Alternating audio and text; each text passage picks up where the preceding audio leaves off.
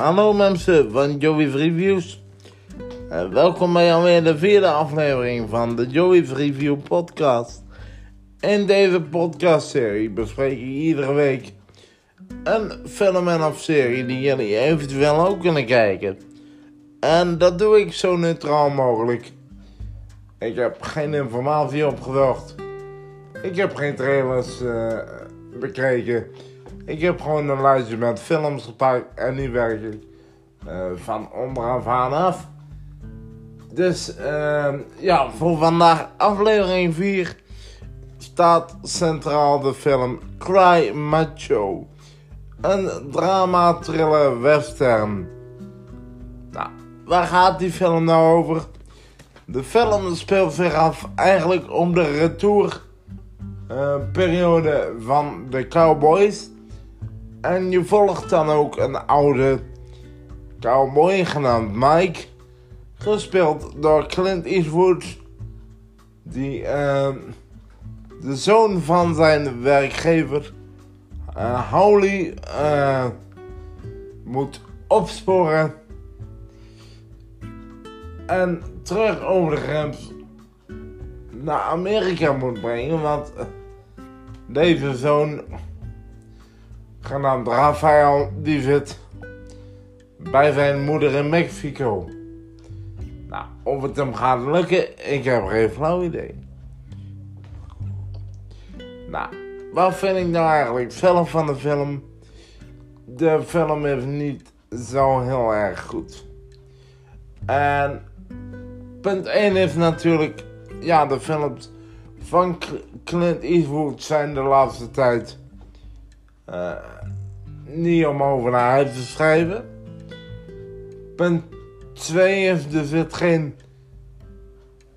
diepgang in, er zitten geen spannende scènes in, er zit er geen, eigenlijk geen actiemomenten in. Op één scène na. Maar wat mij betreft mag het niet een, een drama thriller western uh, genoemd worden. Want daar is het gewoon ja, een te softe uh, film voor eigenlijk.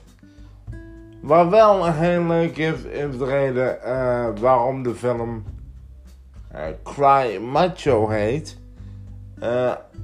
Raphaël, hè, dus de zoon van, van de werk, nee, van de werkgever van Mike, die uh, ja, die leeft dus in de straten van Mexico.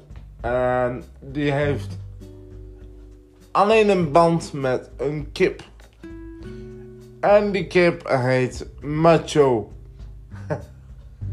Vandaar de naam Cry Macho. En ja, ik vond hem zelf. Het is eigenlijk een hele slechte reden, maar ik vond hem stiekem wel heel leuk. Uh, wat ook wel goed is aan deze film. En dat is eigenlijk gelijk ook het enige goede.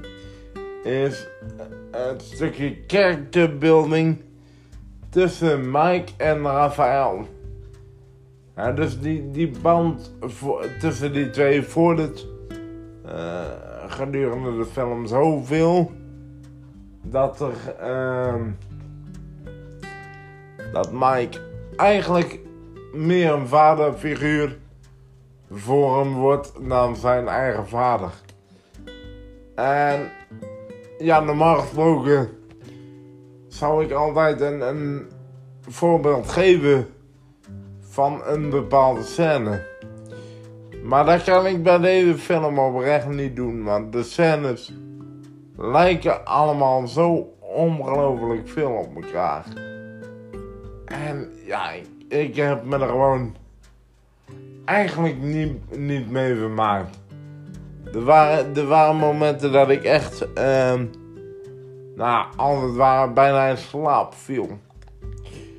Um, nou, zou ik deze film aanbevelen?